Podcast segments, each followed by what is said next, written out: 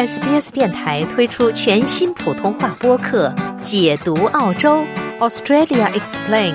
在这里，你可以轻松欢快的了解有关澳洲的有趣知识。一项新的运动呼吁政府进行法律和工作场所的改革，以更好的支持工作场所里刚当上父亲的群体。这个名为“五五共赢 ”（Thrive by Five） 的运动，汇集了澳大利亚各地的倡导者、研究人员和组织联盟。他们旨在推动年轻父亲们更好地获得幼儿教育的资源和带薪育儿假。下面请听报道。一个澳大利亚父亲联盟团体呼吁社会进行变革。他们称，职场墨守成规，工作场所的压力和合法权利落后于现代社会对父亲的期望。Turbans for Australia 创始人、二零二三年澳大利亚年度当地英雄阿马尔辛格表示，人们面临的挑战之一是如何克服传统家庭价值观。Unofficially it's already changing. Many uh, fathers are not in that, uh, you know, the traditional father role where they'll just go to work, come home, and that's it. 非正式的情况已经发生了变化，许多父亲不再扮演传统的父亲角色。他们只是去工作，然后回家。现在他们更多的参与其中，养儿育女。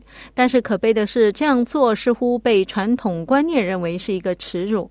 好吧，我们需要打破这一点，这样父亲就可以成为孩子们更好的父亲，在家庭中发挥非常重要的作用，并与孩子们一起过上美好的生活。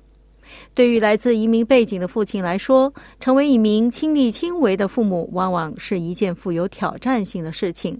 这就是 Dozy Capital 的经历。他于2010年作为难民从多哥来到澳大利亚，并于去年被授予年度社区父亲的称号。When my son is born, I have to give him a bath. I've never seen doing it in my in my life. 当我儿子出生时，我必须给他洗澡。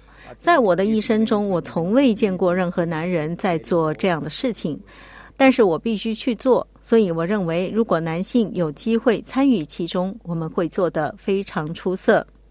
父亲项目的 Fathering Project 的首席执行官卡蒂加帕拉德表示，研究表明过时的政策正在阻碍社会的进步。The OECD shows this very clearly that 经合组织非常清楚地表明，父亲承担更多的照顾家庭的工作是解决性别工资差距的缺失环节。为了解决这个问题，父亲行动小组呼吁政府部门实施改革，帮助父亲在孩子的早期发展中发挥更积极的作用。科波多先生表示，获得负担得起的幼儿教育至关重要。If they don't have that early childhood education, they struggle in decision making. 如果他们没有能力把孩子送去早教中心，他们就需要努力做出决策，权衡利弊。所以，只要消除障碍，让每个人都能够负担得起孩子的早教，无论你来自哪里，文化背景是什么，都能够负担得起。Red Wiggle 的西蒙普莱斯全力支持这次活动。人们越来越意识到这些早期学习中心对于孩子的发展有多么重要。作为一名父亲，我非常自豪和高兴今天来到这里。除了更好的获得幼儿教育之外，该活动还呼吁为新父亲提供更多教育和支持。加帕拉德女士表示，在父亲项目对大约一千名父亲进行的调查中，近百分之八十的人表示，他们在养育子女方面没有得到正式的支持。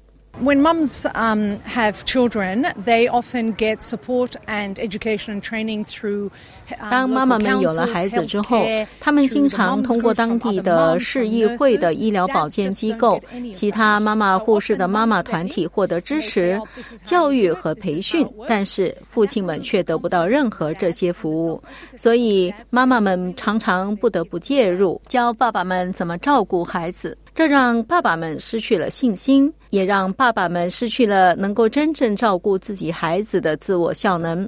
该联盟呼吁所有非生育父母享受联邦政府资助的十二周带薪育儿假。目前他们只有两周。该父亲项目发现，接受调查的澳大利亚父亲中有百分之八十五没有享受育儿假，他们感到有责任继续工作。澳大利亚的性别平等计分统计发现，二零二三年这一财年，男性带薪育儿假仅占所有带薪育儿假的百分之十四。五五共赢的活动总监、前南澳洲州长杰伊·韦瑟里尔表示，他希望人们讨论这些问题，并帮助改变态度。It's a conversation I think men can have with other men.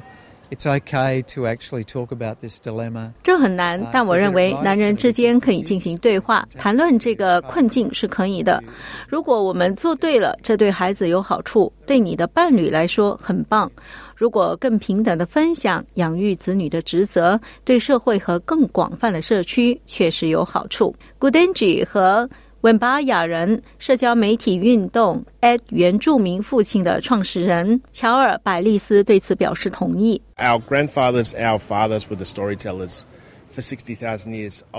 我们的祖父、我们的父亲是六万年来的故事讲述者，我们的祖母和母亲是我们的 auntie，因此通过支持我们共同抚养孩子，孩子们将成为社会上更好的年轻人。他敦促各级政府和工作场所加紧努力，促进育儿方面真正的平等和伙伴关系。喜欢、分享、评论，欢迎您在 Facebook 上关注 SBS 普通话页面。